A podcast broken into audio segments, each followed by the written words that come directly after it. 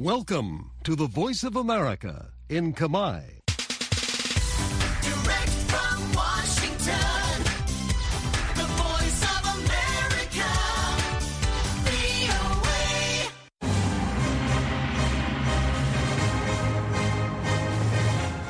សួស្តីប្រិយមិត្តអ្នកស្ដាប់ជាទីមេត្រី នៅក្នុងកម្មវិធីផ្សាយតាមវិទ្យុរបស់ VOA នៅព្រឹកថ្ងៃសុក្រទី1ខែមីនាឆ្នាំ2024នេះ ខ្ញុំជឹងពូជីននិងសហការីនៃក្រុមផ្សាយជាខេមរៈភាសាសូមស្វាគមន៍ប្រិយមិត្តពីរដ្ឋធានី Washington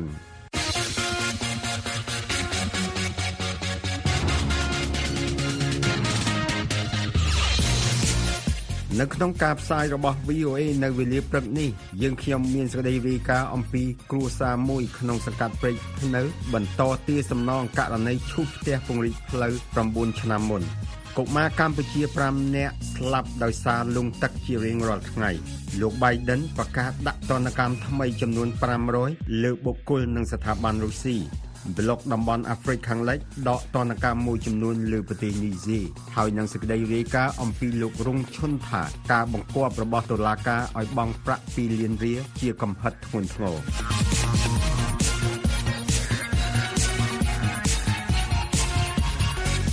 អ្នកស្រីស៊ូស្រីនាង ជាពលរដ្ឋម្នាក់ក្នុងចំណោមពលរដ្ឋជាច្រើនគូសារក្នុងសង្កាត់ព្រែកភ្នៅខណ្ឌព្រែកភ្នៅ ដែលត្រូវបានអាជ្ញាធរយកគ្រឿងចាក់មកឈូសផ្ទះក្នុងគម្រោងអភិវឌ្ឍរបស់រដ្ឋាភិបាល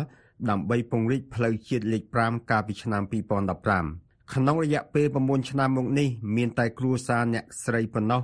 នៅបន្តតវ៉ាដើម្បីទទួលបានសំណងសមរម្យនិងយុត្តិធម៌ក្រោយអ្នកស្រីបានបដិសេធមិនទទួលយកសំណងដែលយល់ថាមានចំនួនតិចតួចពេកលោកសឹមច័ន្ទសំណាងរាយការណ៍លម្អិតឲ្យ VOA ពីរាជធានីភ្នំពេញដូចតទៅគ្រួសារមួយស្ថិតក្នុងសង្កាត់ព្រែកភ្នៅរាជធានីភ្នំពេញបន្តទាមទារសំណងក្រោយអាជ្ញាធរចម្រុះយកគ្រឿងយន្តមកឈូសឆាយផ្ទះនិងដីក្នុងគម្រោងអភិវឌ្ឍពង្រីកផ្លូវជាតិលេខ5កាលពី9ឆ្នាំមុន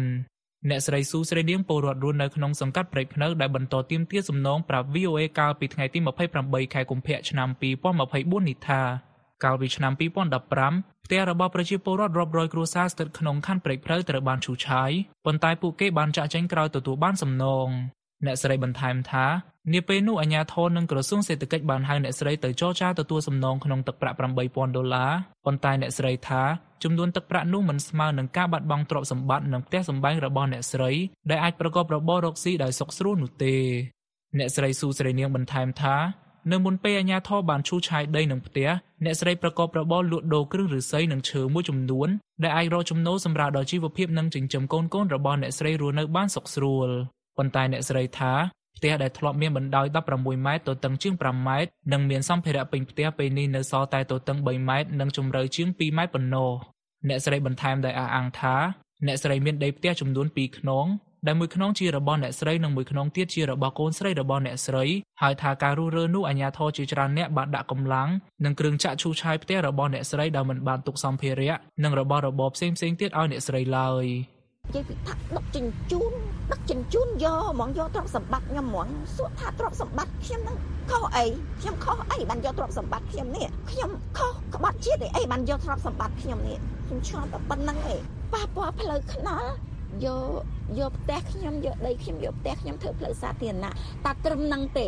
ចុះហេតុអីមករស់ដល់ផ្ទះខ្ញុំនេះរស់ដល់ផ្ទះខ្ញុំដឹកដឹកយកទ្រព្យសម្បត្តិខ្ញុំឈើព្រៃខ្ញុំអស់រលីងនេះ តើទ្រព្យសម្បត្តិខ្ញុំនឹងខុសអីខ្ញុំធ្វើអីខុសបានយកទ្រព្យសម្បត្តិខ្ញុំអ្នកស្រីស្នើដល់ថ្នាក់ដឹកនាំគ្រប់លំដាប់ថ្នាក់ជាពិសេសពីលោកនាយករដ្ឋមន្ត្រីហ៊ុនម៉ាណែតឲ្យស្វែងរកដំណោះស្រាយនិងផ្ដល់សំណងទៅតាមការបាត់បង់ទ្រព្យសម្បត្តិរបស់អ្នកស្រីនាពេលនោះឥឡូវសួរថាខ្ញុំចង់បានលុយអត់យកដីទេតើលោកមានដំណោះស្រាយឲ្យខ្ញុំប៉ុន្មានគេសួរថាទាប្រមាណបើបើសួរខ្ញុំថាទាប្រមាណតម្លៃដែលខ្ញុំទាពីមុនហ្នឹងខ្ញុំទាជាង100,000 ចា170,000ប្រមាណហ្នឹងណាចាខ្ញុំទាប៉ុណ្ណឹងព្រោះខ្ញុំសរុបតាំងពីអីវ៉ាន់ខ្ញុំតាំងពីផ្ទះខ្ញុំតាំងពីខ្ញុំខាត់ពេលវេលារស់ស៊ីអ្វីគ្រប់យ៉ាងទាំងអស់ហើយខ្ញុំទា170,000ជាងហ្នឹងក៏មិនមិនទាន់រួចតម្លៃផ្ទះខ្ញុំដែរចៅសង្កាត់ព្រៃភ្នៅលោកពេជ្រស៊ីនួនប្រាប់ VOA ថាករណីវិវាទដីធ្លីរបស់អ្នកស្រីស៊ូស្រីនាងនិងកូនស្រីរបស់អ្នកស្រីត្រូវបានអាជ្ញាធរព្យាយាមដោះស្រាយជាច្រើនលើកមកហើយប៉ុន្តែអ្នកស្រីមិនព្រមទទួលសំណងពីអាជ្ញាធរ លោកបន្ថែមថាអ្នកស្រីស៊ូស្រីនាងបានទាមទារសំណងច្រើនពេកដែលអាជ្ញាធរមិនអាចផ្ដល់ឲ្យបានបើតាមលោកចៅសង្កាត់ព្រែកភ្នៅប្រជាពលរដ្ឋនៅក្នុងសង្កាត់ព្រែកភ្នៅជិត90គ្រួសារបានទទួលរងផលប៉ះពាល់ពីគម្រោងអភិវឌ្ឍពង្រីកផ្លូវជាតិលេខ5នោះ បាទហ្នឹងយើងរួមខាដំណោះស្រាយហ្នឹងអាជ្ញាធរក៏ដោះស្រាយជ្រើសលើកចំពោះគាត់ហ្នឹងដូចតែពីគូសាទាំងកូនគាត់ហ្នឹងគឺប្រកាសទៅខណ្ឌខណ្ឌទៅរាជធានីធ្វើការសមរព្រោះដោះស្រាយជូនគាត់ហ្នឹងគាត់អត់ទទួលយកគាត់ជួនជាសំណងវាវាខុសទេឬជាជាច្រើនលោកពេជ្រស៊ីនួនបន្ថែមថាក្រសួងដែលមានសមត្ថកិច្ចពាក់ព័ន្ធរួមមានក្រសួងសាធារណការនិងដឹកជញ្ជូនក៏ព្យាយាមសម្របសម្រួលដំណោះស្រាយលើករណីមួយនេះផងដែរ ប៉ុន្តែអ្នកស្រីស៊ូស្រីនាងនៅតែមិនព្រមទទួលសំណងនោះ VOA បានតាក់ទងទៅលោកផនរឹមអ្នកនាំពាក្យក្រសួងសាធារណការនិងដឹកជញ្ជូនប៉ុន្តែលោកប្រាប់ឲ្យទៅសួរក្រសួងសេដ្ឋកិច្ចនិងហិរញ្ញវត្ថុចំណែកអ្នកនាំពាក្យក្រសួងសេដ្ឋកិច្ចលោកមាសសុកសេងសាមិនឆ្លើយតបនឹងសំណួររបស់ VOA ដែលឲ្យតាក់ទងទៅសាលារាជធានីភ្នំពេញលោកកើតឆាយអភិបាលរងរាជធានីភ្នំពេញថាលោកមិនមានឯកសារនៅក្នុងដៃនោះទេព្រោះរឿងនេះបានកន្លងទៅ9ឆ្នាំមកហើយ លោកសៀងមួយឡៃប្រធានកម្មវិធីសិទ្ធិរស់នៅក្នុងទីក្រុងនៃអង្គការសមាគមធៀងថ្នោតប្រាប់ VOA ថាបញ្ហាដីធ្លីរបស់អ្នកស្រីស៊ូស្រីនាងបានអូសបន្លាយជាង9ឆ្នាំមកហើយដែលអាជ្ញាធរមិនព្រមស្វែងរកដំណោះស្រាយសមស្របណាមួយជូនអ្នកស្រីនិងកូនរបស់អ្នកស្រីឡើយលោកបន្តថានៅពេលដែលអ្នកស្រីបានមករកជំនួយពីអង្គការសមាគមធៀងថ្នោតអ្នកស្រីហាក់មានបញ្ហាផ្លូវចិត្តដោយសារតែបាត់បង់ផ្ទះសម្បែងនិងដីធ្លីតែខ្ញុំគិតថារឿងហ្នឹងវាអត់គួរណាអបបន្លាយទេព្រោះមានសល់តែពីរគ្រួសារទេសម្រាប់តែករណី ហ្នឹងគឺខ្ញុំគិតថាគួរណាតែផ្ដល់ចំណងឲ្យបានសមរម្យដើម្បីឲ្យគាត់ហ្នឹងរស់នៅស្ងប់ចិត្តទៅព្រោះព្រោះហ្នឹងវាអបបន្លាយរាប់ឆ្នាំហើយជិត10ឆ្នាំហើយសម្រាប់ករណីគាត់ហើយមែនទេគាត់មិនមែនគិតទៅជួបករណីហ្នឹងម្ដងឯមុនហ្នឹងក៏គាត់ធ្លាប់បានបាត់បង់ដីដោយសារការពង្រីកផ្លូវហ្នឹងដែរហើយអានេះខ្ញុំគិតថាយើងអត់គួរបំភ្លេចគាត់ចោលបើទោះបីជាមានតាមគ្រួសារឬពីរគ្រួសារក៏ដោយ បើតាមលោកសៀងមួយឡៃអាជ្ញាធរមិនគួរធ្វើជាមិនខ្វល់ខ្វាយនិងមិនអើពើចំពោះករណីរបស់អ្នកស្រីស៊ូស្រីនាងឡើយលោកជំរុញឲ្យអាជ្ញាធរពាក់ព័ន្ធគួរស្វែងរកដំណោះស្រាយឲ្យសមរម្យជូនអ្នកស្រីស៊ូស្រីនាងដែលអូសបន្លាយជាង9ឆ្នាំមកហើយនោះហើយសម្រាប់ខ្ញុំសម្រាប់ករណីនេះខ្ញុំគិតថាគាត់ចាត់ទុកគាត់ថាជាផ្នែកមួយនៃនិមិត្តរូបនៃការតស៊ូ មួយថាគាត់នៅពេលដែលគាត់មិនព្រមឬគាត់មិនទុកចិត្តនៅក្នុងការទទួលយកចំណងដែលផ្ដល់ឲ្យដោយទទួលទៅគេខ្ញុំគាត់ទុកចិត្តអត់យកហើយគាត់ទុកចិត្តទស្សនៅក្នុងផ្ទះមួយទំហំ2ម៉ែត្រគុណ2ម៉ែត្រហ្នឹងរស់នៅវេទនារាប់ឆ្នាំខ្ញុំគិតថាគួរតែគាត់ចង់បានយុត្តិធម៌សម្រាប់ខ្លួនឯងរីកាប្រជាធានីភ្នំពេញខ្ញុំសំច័ន្ទសំណាង VOA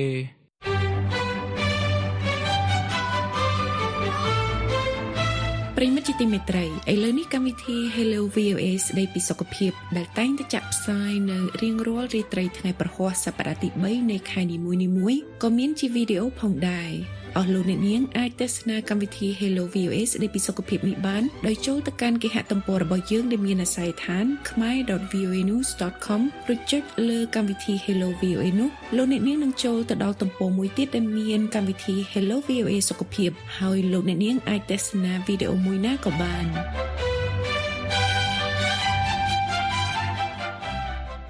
អង្គការ UNICEF កម្ពុជាលើកឡើងថាការលង់ទឹកគឺជាបញ្ហា ដែលគំរាមកំហែងដល់ជីវិតកុមារអាយុពី5ទៅ14ឆ្នាំនៅតំបន់អាស៊ីខាងកើតនិងប៉ាស៊ីហ្វិកខណៈកុមារកម្ពុជាយ៉ាងហោច5នាក់បានស្លាប់ដោយសារការលង់ទឹកក្នុងមួយថ្ងៃក្រសួងអប់រំនិងក្រសួងសង្គមគិច្ចលើកឡើងថា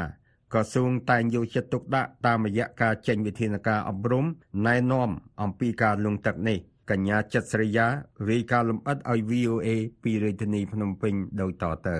កុមារកម្ពុជាជាមធ្យម5នាក់បានស្លាប់ដោយសារការលង់ទឹកក្នុងមួយថ្ងៃខណៈការលង់ទឹកនៅតែជាមូលហេតុចម្បងដែលឆក់យកជីវិតមនុស្សក្នុងប្រទេសកំពុងអភិវឌ្ឍនិងក្រីក្រនេះបើតាមអង្គការ UNICEF កម្ពុជាអង្គការ UNICEF កម្ពុជាដែលធ្វើការតាក់ទងនឹងបញ្ហាកុមារបានបង្ហោះសារនៅលើទំព័រ Facebook របស់ខ្លួនកាលពីថ្ងៃទី24ខែកុម្ភៈឆ្នាំ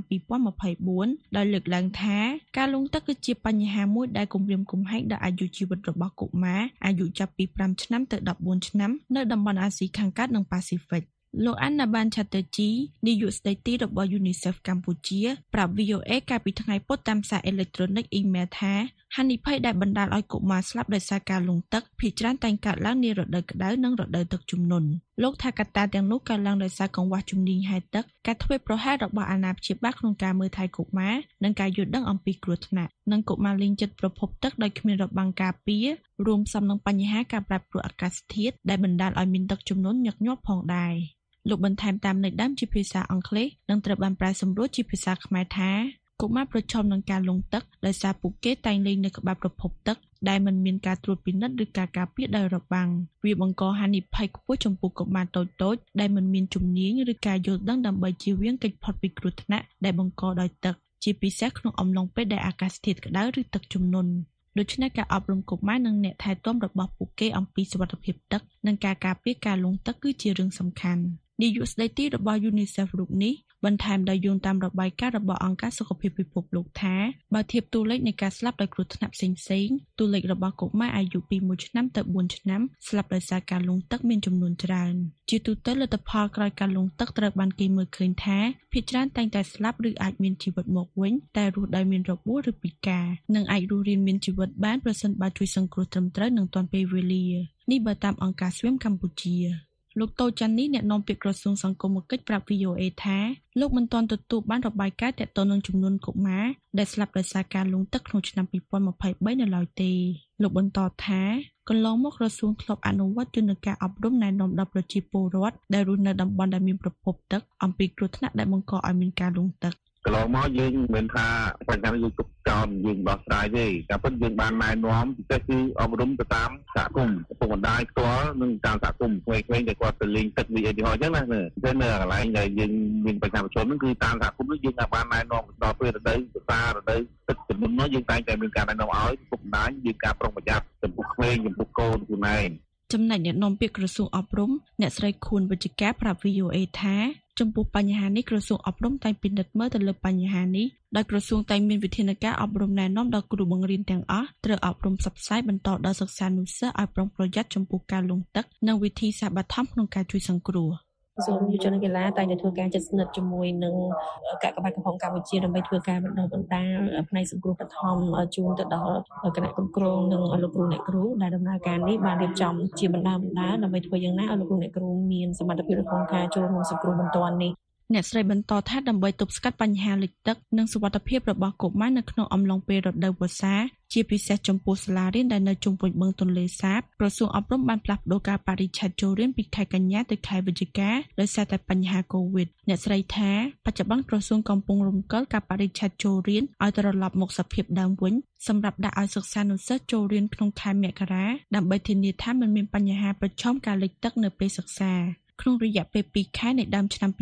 2023មានករណីលង់ទឹកជាច្រើនត្រូវបានផ្សព្វផ្សាយលើបណ្ដាញសង្គម Facebook ក្នុងនោះយ៉ាងហោចណាស់កុមារចំនួន16នាក់ត្រូវបានរាយការណ៍ថាស្លាប់ដោយសារលង់ទឹកនេះមិនរាប់បញ្ចូលករណីមនុស្សធំលង់ទឹកស្លាប់និងករណីមិនត្រូវបានរាយការណ៍រាយការណ៍ពីរាជធានីភ្នំពេញនាងខ្ញុំចិត្តស្រីយ៉ា VOA Voice of America. ប្រធានាធិបតីអាមេរិកលោកโจ Biden បានប្រកាសដាក់ទណ្ឌកម្មថ្មីចំនួន500លើបុគ្គលនិងស្ថាប័នរុស្ស៊ីខណៈដែលពិភពលោកប្រារព្ធខួប2ឆ្នាំចាប់តាំងពីរដ្ឋាភិបាលក្រុងមូស្គូបើកការឈ្លានពានពេញទំហឹងលើអ៊ុយក្រែន លោក Biden បានថ្លែងថាទណ្ឌកម្មនឹងដាក់លើសពាវុធសង្គ្រាមរបស់រុស្ស៊ី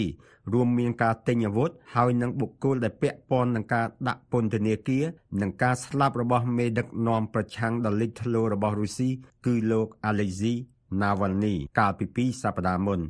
អ្នកស្រី Cindy Sen អ្នកឆ្លើយឆ្លងព័ត៌មានការទូតចុងខ្ពស់នៃ VOA រាយការណ៍ពីរឿងនេះលោកសៃមនីជួនសេចក្តីប្រែសម្រួលដូចតទៅ កងកម្លាំងការពារអ៊ុយក្រែនបន្តព្យាយាមវាយបកលើកងទ័ពឈ្លានពានរបស់រុស្ស៊ីកាលពីថ្ងៃទី23ខែកុម្ភៈប្រធានាធិបតីអាមេរិកលោកโจ Biden បានរំលឹកខួប2ឆ្នាំនៃការឈ្លានពានរបស់រុស្ស៊ីដោយប្រកាសដាក់ទណ្ឌកម្មចំនួន500លើបុគ្គលនិងស្ថាប័នដែលជាប់ពាក់ព័ន្ធនឹងការឈ្លានពាននិងការស្លាប់នៅក្នុងពន្ធនាគាររុស្ស៊ីរបស់មេដឹកនាំប្រឆាំងរុស្ស៊ីគឺលោក Alexei Navalny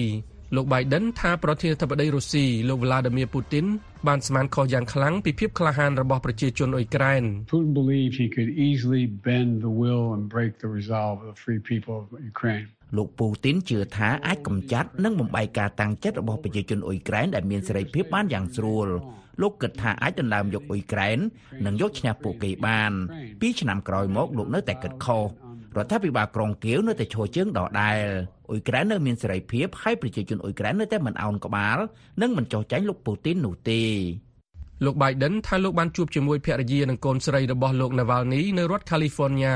និងបានធានាចំពោះពួកគេថាលោកបដិញ្ញាធ្វើឲ្យលោកពូទីនសងចំពោះការឈ្លានពានរបស់រុស្ស៊ីនៅបរទេសនិងការគៀបសង្កត់នៅក្នុងប្រទេសក្នុងអំឡុងដំណើរទស្សនកិច្ចទៅកាន់ប្រទេសអាហ្សង់ទីនរដ្ឋមន្ត្រីការបរទេសអាមេរិកលោក Anthony Blinken បានឆ្លើយសំណួររបស់ VOA ថាលោកជឿជាក់ថាការដាក់ទណ្ឌកម្មនឹងមានផលប៉ះពាល់រយៈពេលវែងទៅលើសមត្ថភាពរបស់រុស្ស៊ីក្នុងការធ្វើទំនើបកម្មផ្នែកសេដ្ឋកិច្ចយោធានិងធម្មពលរបស់ខ្លួនលោក Blinken មិនបានភ្លេចលើកឡើងពីលោក Navalny នោះទេ We're also taking action against យើងក៏កំពុងចាត់វិធានការប្រឆាំងនឹងបុគ្គល3នាក់ផងដែរជាពិសេសពាក់ព័ន្ធនឹងការស្លាប់របស់លោក Alexei Navalny នោះគឺអ្នកយាមពន្ធនាគារប្រធានពន្ធនាគារប្រចាំតំបន់និងនាយករងនៃទីភ្នាក់ងារពន្ធនាគារសហព័ន្ធនៅទីក្រុងមូស្គូលោកពូទីនបានចូលរួមក្នុងពិធីស្នេហាជាតិមួយឈ្មោះថាទិវាអ្នកការពារបេតុភូមិនិងបានសាទរចំពោះអ្វីដែលលោកហៅថាវីរៈបរិះពិតប្រាកដក្នុងការប្រយុទ្ធនៅអ៊ុយក្រែនអ្នកសង្កេតការខ្លះថាការស្លាប់ភ្លាមៗរបស់លោក Navalny នៅក្នុងការឃុំឃាំងរបស់រុស្ស៊ីបង្ហាញថាលោកពូទីនភ័យខ្លាច លោក Bill Browder ដែលជាប្រធានយុទ្ធនាការយុតិធធ Global Magnitsky បានថ្លែងថា I don't think that he would have murdered Alexei Navalny if he was feeling confident ខ្ញុំគិតថាលោកនឹងមិនសម្លាប់លោក Alexei Navalny ទេបើលោកមានភាពជឿជាក់នោះជាសញ្ញានៃការភ័យខ្លាចលោកពូទីនខ្លាចបាត់អំណាចព្រោះបើលោកបាត់អំណាចលោកនឹងស្លាប់រុស្ស៊ីថាលោក Navalny ស្លាប់ដោយសារមូលហេតុធម្មជាតិលោក Broder ស្វាគមន៍ការដាក់ទណ្ឌកម្មថ្មីលើរដ្ឋាភិបាលក្រុងមូស្គូ ប៉ុន្តែថាវាមានក្រំឡាំងនៅតែទទួលបានប្រភពចំណូលដ៏សំខាន់មួយ So as long as Russia continue to sell their oil they'll be able to continue buying missiles ដូច្នេះដរាបណារុស្ស៊ីនឹងអាចបន្តលក់ប្រេងរបស់ពួកគេបានពួកគេនឹងអាចបន្តទិញមីស៊ីលនិងគ្រាប់កាំភ្លើងនិងបង់ប្រាក់ឲ្យទាហានសង្គ្រាមនឹងបន្តទៅមុខទៀតនោះជាចំណុចសំខាន់ក្នុងបញ្ហានេះ មេដឹកនាំគណៈបកសម្លេងភាគច្រើននៃព្រឹទ្ធសភាអាមេរិកលោក Chuck Schumer បានទៅដល់ប្រទេសអ៊ុយក្រែនជាមួយនឹងសមាជិកព្រឹទ្ធសភាមួយក្រុមដើម្បីព្យាយាមធានាដល់ប្រជាជនអ៊ុយក្រែនថាសហរដ្ឋអាមេរិកនឹងផ្ដល់ជំនួយមួយជុំទៀតទោះបីជាកញ្ចប់ទឹកប្រាក់60ពាន់លានដុល្លារដែលត្រូវផ្ដល់ដល់រដ្ឋាភិបាលក្រុងគៀវនៅជាប់គាំងក្នុងសភាតំណាងរាស្ត្រដែលគ្រប់គ្រងដោយគណៈបកសាធារណរដ្ឋក៏ដោយពីរដ្ឋធានី Washington ខ្ញុំសាយមូនី VOA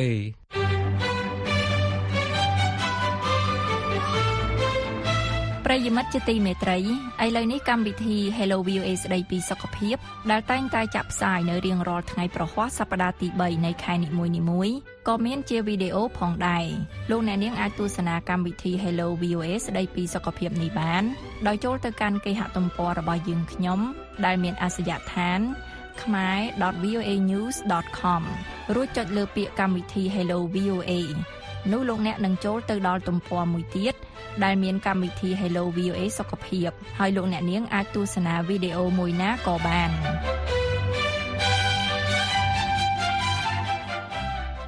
កាលពីថ្ងៃសៅរ៍ទី24ខែកុម្ភៈកន្លងទៅនេះប្លុកតំបន់អាហ្វ្រិកខាងលិច ECOWAS បានដកទណ្ឌកម្មមួយចំនួន ដែលខ្លួនដាក់លើប្រទេសនីហ្សេបន្ទាប់ពីមានរដ្ឋប្រហារយោធាកាលពីឆ្នាំមុន ដែលបានទម្លាក់លោកប្រធានាធិបតីម៉ូហាម៉េតបាហ្ស៊ូមយោងតាមប្រធានប្លុកតំបន់ ECOWAS លោកអូម៉ាអាលីវតូរ៉េតនកម្មដែលរួមមានការបិទព្រំដែនការហាមឃាត់ការហោះហើរនិងការបង្កកទ្រព្យសម្បត្តិនឹងត្រូវដកចេញភ្លាមៗលោក Timothy Obizu នៃ VOA រាយការណ៍ពីរឿងនេះពីទីក្រុង Abuja ប្រទេសនីហ្សេរីយ៉ា ហើយខ្ញុំជឹងពូជីនជួនសេចក្តីប្រាយសម្រួលដោយតទៅសេចក្តីប្រកាសមួយបានធ្វើឡើងបន្ទាប់ពីកិច្ចប្រជុំកម្ពុជាថ្នាក់រដ្ឋជាបន្ទាន់នៅក្នុងទីក្រុង Abuja ប៉ុន្មានថ្ងៃបន្ទាប់ពីលោក Yakuba Gowon អតីតប្រមុខរដ្ឋនីហ្សេរីយ៉ានិងជាសមាជិកស្ថាបនិកនៃប្លុកតំបន់ ECOWAS បានធ្វើការអំពាវនាវទៅកាន់ប្លុកនេះក្នុងនាមតំបន់ទាំងមូលប្លុកតំបន់ ECOWAS បានថ្លែងថាការសម្រេចរបស់ខ្លួនក្នុងការដកទណ្ឌកម្មសេដ្ឋកិច្ច ដែលដាក់លើប្រទេសនីហ្សេគឺផ្អែកលើការពិចារណាមនុស្សធម៌ចំពោះស្ថានភាពរបស់ប្រជាពលរដ្ឋជាង400លាននាក់នៅក្នុងតំបន់នៅក្នុងប្រទេសដែលប្លុកនេះតំណាងឲ្យវិធានការដែលរួមមានការបង្កកទ្រព្យសម្បត្តិរបស់ប្រទេសនីហ្សេនៅធនាគារកណ្ដាលរបស់ប្លុកតំបន់ ECOWAS និងការផ្អាកប្រតិបត្តិការហិរញ្ញវត្ថុរវាងរដ្ឋ ECOWAS និងប្រទេសនីហ្សេត្រូវបានដកចេញប្រធានប្លុកតំបន់ ECOWAS លោកអូម៉ាអាលីវ ទូរ៉េបានថ្លែងនៅក្នុងកិច្ចប្រជុំកំពូលកាលពីថ្ងៃសៅរ៍ទី24ខែកុម្ភៈថា The authority has resolved to lift with immediate effect closure of land and air borders between ECOWAS countries and Niger. No fly zone of all អញ្ញាធរបានសម្រេចរូបចោលវិធានការរួមមានការបិទព្រំដែនផ្លូវគោកនិងផ្លូវអាកាសរវាងប្លុកប្រទេស ECOWAS និង Niger ការហាមឃាត់ការហោះហើរពាណិជ្ជកម្មទាំងអស់ ការផ្អាកប្រតិបត្តិការហិរញ្ញវត្ថុទាំងអស់រវាងប្លុក ECOWAS និង Niger និងការបង្កកប្រតិបត្តិការសេវាកម្មទាំងអស់រួមទាំងសេវាប្រើប្រាស់ដោយចូលជាធរមានភ្លាមៗការសម្រេចនេះគឺផ្អែកលើការគិតគូរពីមនុស្សធម៌ក្នុងតំបន់អេកូវ៉ាក៏បានលុបចោលការហាមឃាត់ការធ្វើដំណើរដែលបានដាក់លើមន្ត្រីរដ្ឋាភិបាលនិងក្រុមគូសាររបស់ពួកគេនិងលុបចោលការផ្អាកមិនឲ្យនីហ្សេទទួលជំនួយហិរញ្ញវត្ថុក្នុងតំបន់។ ក៏ប៉ុន្តែប្លុកតំបន់នេះថា ការដាក់ទណ្ឌកម្មបុគ្គល និងនយោបាយដែលជាគោលដៅដូចជាការចូលរួមក្នុងកិច្ចប្រជុំកំពូល ECOWAS និងកិច្ចប្រជុំថ្នាក់រដ្ឋមន្ត្រីនឹងមិនត្រូវបានលុបចោលនោះទេប្លុកតំបន់នេះក៏បានអំពាវនាវឲ្យមានការដោះលែងលោកប្រធានាធិបតី Mohamed Bazoum ដែលត្រូវបានទម្លាក់ចេញពីតំណែងជាបន្ទាន់និងដោយគ្មានលក្ខខណ្ឌលោក Omar Alieu Toure ប្រធានប្លុកតំបន់ ECOWAS បានថ្លែងយ៉ាងដូចនេះថា The authority notes with regret that despite several efforts, former President Mohamed Bazoum remains in detention. អញ្ញាធរធ្វើការកត់សម្គាល់ជាមួយនឹងការសោកស្ដាយថាទោះបីជាមានការប្រឹងប្រែងជាច្រើនក៏ដោយអតីតប្រធានាធិបតីលោក Mohamed Bazoum នៅតែស្ថិតក្នុងការឃុំខ្លួនហើយរដ្ឋាភិបាល CNSP នៃប្រទេសនីសេមិនមានគម្រោងផ្លាស់ប្ដូរនោះទេអញ្ញាធរអំពាវនាវឲ្យដោះលែងលោក Mohamed Bazoum ជាបន្ទាន់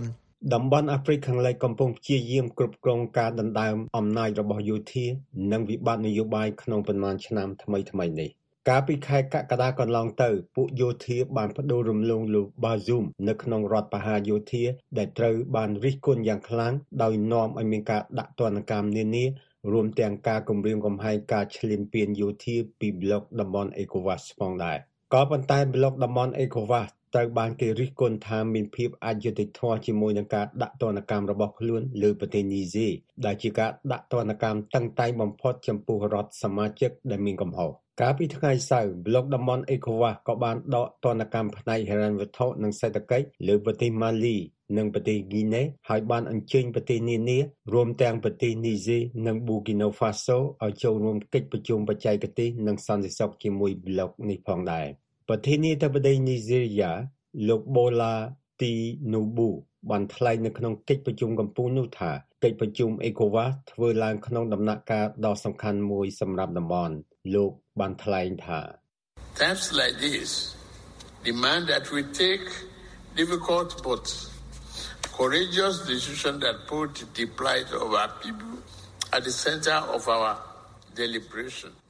ពេលវេលាដូចជាពេលនេះទាមទារឲ្យយើងធ្វើការសម្រេចដ៏លំបាកប៉ុន្តែក្លាហានដែលដាក់ទុកលំបាករបស់ប្រជាពលរដ្ឋឲ្យចំពីមុខយើងក្នុងការពិចារណាលទ្ធិប្រជាធិបតេយ្យគឺគ្មានអ្វីក្រៅពីក្របខ័ណ្ឌនយោបាយនោះទេហើយនេះជាមូលហេតុដែលយើងត្រូវពិនិត្យមើលវិធីសាស្ត្របច្ចុប្បន្នរបស់យើងឡើងវិញដើម្បីទទួលបានការគោរពរដ្ឋធម្មនុញ្ញនៅក្នុងរដ្ឋសមាជិកចំនួន4របស់យើងកាលពីថ្ងៃទី28ខែមករាសម្ព័ន្ធសាហែលដែលទើបនឹងបង្កើតថ្មីរួមមានប្រទេសម៉ាលី នីហ្សេរីយ៉ានិងបូគីណូហ្វាសូបានប្រកាសខ្លួនដកចេញពីប្លុកនេះនិងមានផែនការបង្កើតសហព័ន្ធមួយសហភាពនេះក៏គ្រោងនឹងបើកដំណើរការរូបិយប័ណ្ណរួម ដែលគេហៅថា Sahel ផងដែរវាមិនច្បាស់ទេថាតើការដកទណ្ឌកម្មនឹងផ្លាស់ប្ដូរផែនការទាំងនោះឬយ៉ាងណា ពីរដ្ឋធានី Washington ខ្ញុំជើងពូជីន VOA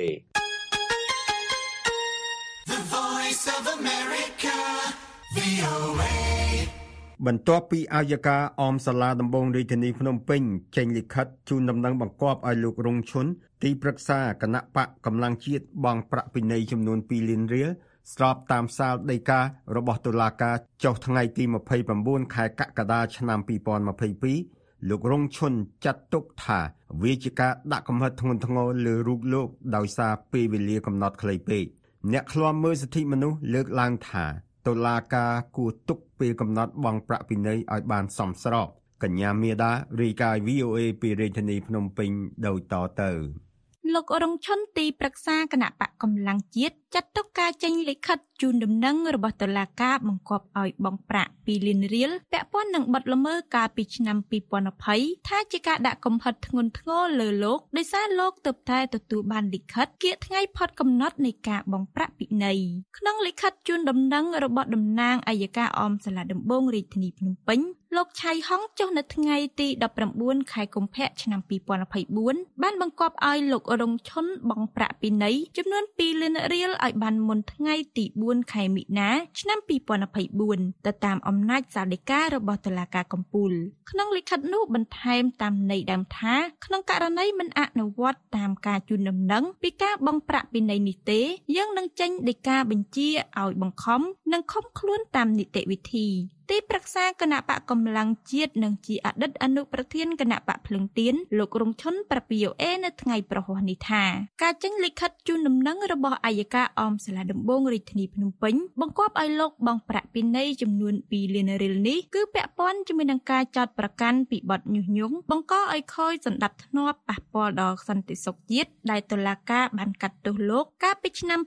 2020លោកថាការចេញលិខិតនេះគឺជាការដាក់កំហិតធ្ងន់ធ្ងរលើលោកដោយសារលោកទើបតែទទួលបានលិខិតជូនដំណឹងនេះកាលពីល្ងាចថ្ងៃទី28ខែកុម្ភៈ ខ្ញុំមើលឃើញថាវាជាការដាក់កំហិតខ្ញុំធ្ងន់ធ្ងរបើសិនជាតឡាការបានមកចេញថ្ងៃ19ឬថ្ងៃ20 21អាចឲ្យមន្ត្រីយុតិធធយកមកជូនខ្ញុំខ្ញុំមានពេលវេលា ក្នុងការរកអធិការអានឹងបើសិនជាខ្ញុំមកថាជិលប្របងប៉ុន្តែនៅពេលវេលានេះទៅតែមកដល់រសៀលបាទម៉ោង4កន្លះហើយនៅថ្ងៃ28ហើយនៅប្រហែលថ្ងៃទៀតហើយវាបងនៅក្នុងរយៈពេលថ្ងៃធ្វើការអញ្ចឹងថ្ងៃសៅរ៍អាទិត្យគឺអត់ធ្វើការអញ្ចឹងវាទៅអស់ប្រហែលថ្ងៃទៀតហើយអញ្ចឹងវាហាក់បីដូចជាតក់កុហលមែនតើចំពោះការជូនដំណឹងមកដល់ខ្ញុំបាទលោករងឈុនថាករណីរបស់លោកហាក់ដូចជាមានការដាក់បន្ទុកម្ដងហើយម្ដងទៀត ករណីខ្ញុំហ្នឹងហាក់បីដូចជាដាក់បន្ទុកម្ដងហើយម្ដងទៀតដោយករណីដែលខ្ញុំចុះឃោសនារកសម្លេងពីអង្គបោះឆ្នោតដើម្បីឲ្យគ្រប់គ្រងគណៈបកកម្លាំងជាតិក៏ត្រូវបានហាមឃាត់បន្ទាប់មកមិនទាន់បានប្រមាណថ្ងៃផងតឡាការក៏បានបង្គាប់ឲ្យទៅបង់ប្រាក់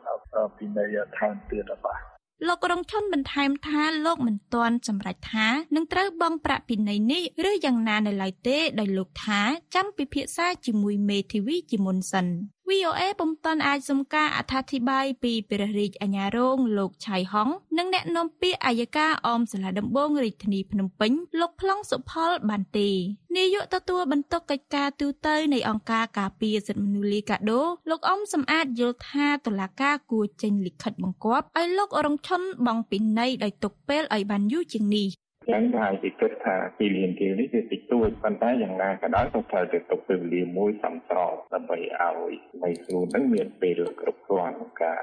រកលុយឬក៏អីដើម្បីយកទៅបង់ កាលពីចុងខែកក្កដាឆ្នាំ2020លោករងឈុនត្រូវបានចាត់ប្រកាន់និងឃុំខ្លួនពីបទញុះញង់បង្កឲ្យមានភាពពុកវរធ្ងន់ធ្ងរដល់សន្តិសុខសង្គមក្រោយនិយាយរិះគន់ការបោះបង្គោលព្រំដែនកម្ពុជាវៀតណាមក្នុងខេត្តត្បូងឃ្មុំហើយនៅខែវិច្ឆិកាឆ្នាំ2021សាលាឧទ្ធរបានសម្រេចដោះលែងលោករងឈុនក្រោយជាប់ពន្ធនាគាររយៈពេល15ខែនិង11ថ្ងៃនៃពន្ធនាគារសរុបចំនួន24ខែហើយទោសដែលនៅសល់ត្រូវបានព្យួររីរាយការណ៍ពីរាជធានីភ្នំពេញ នាងខ្ញុំមាសដា VOA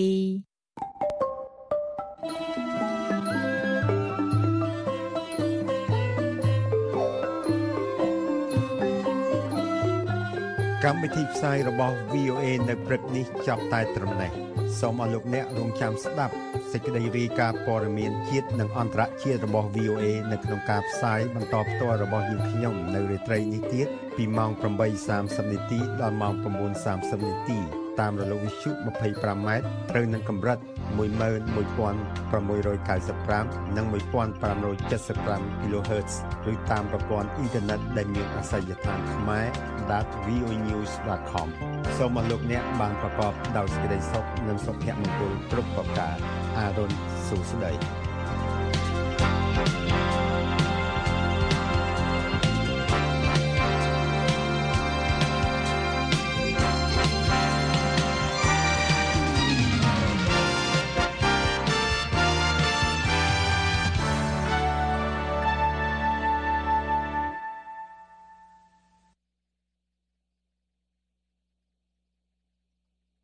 This program has come to you from the Voice of America, Washington.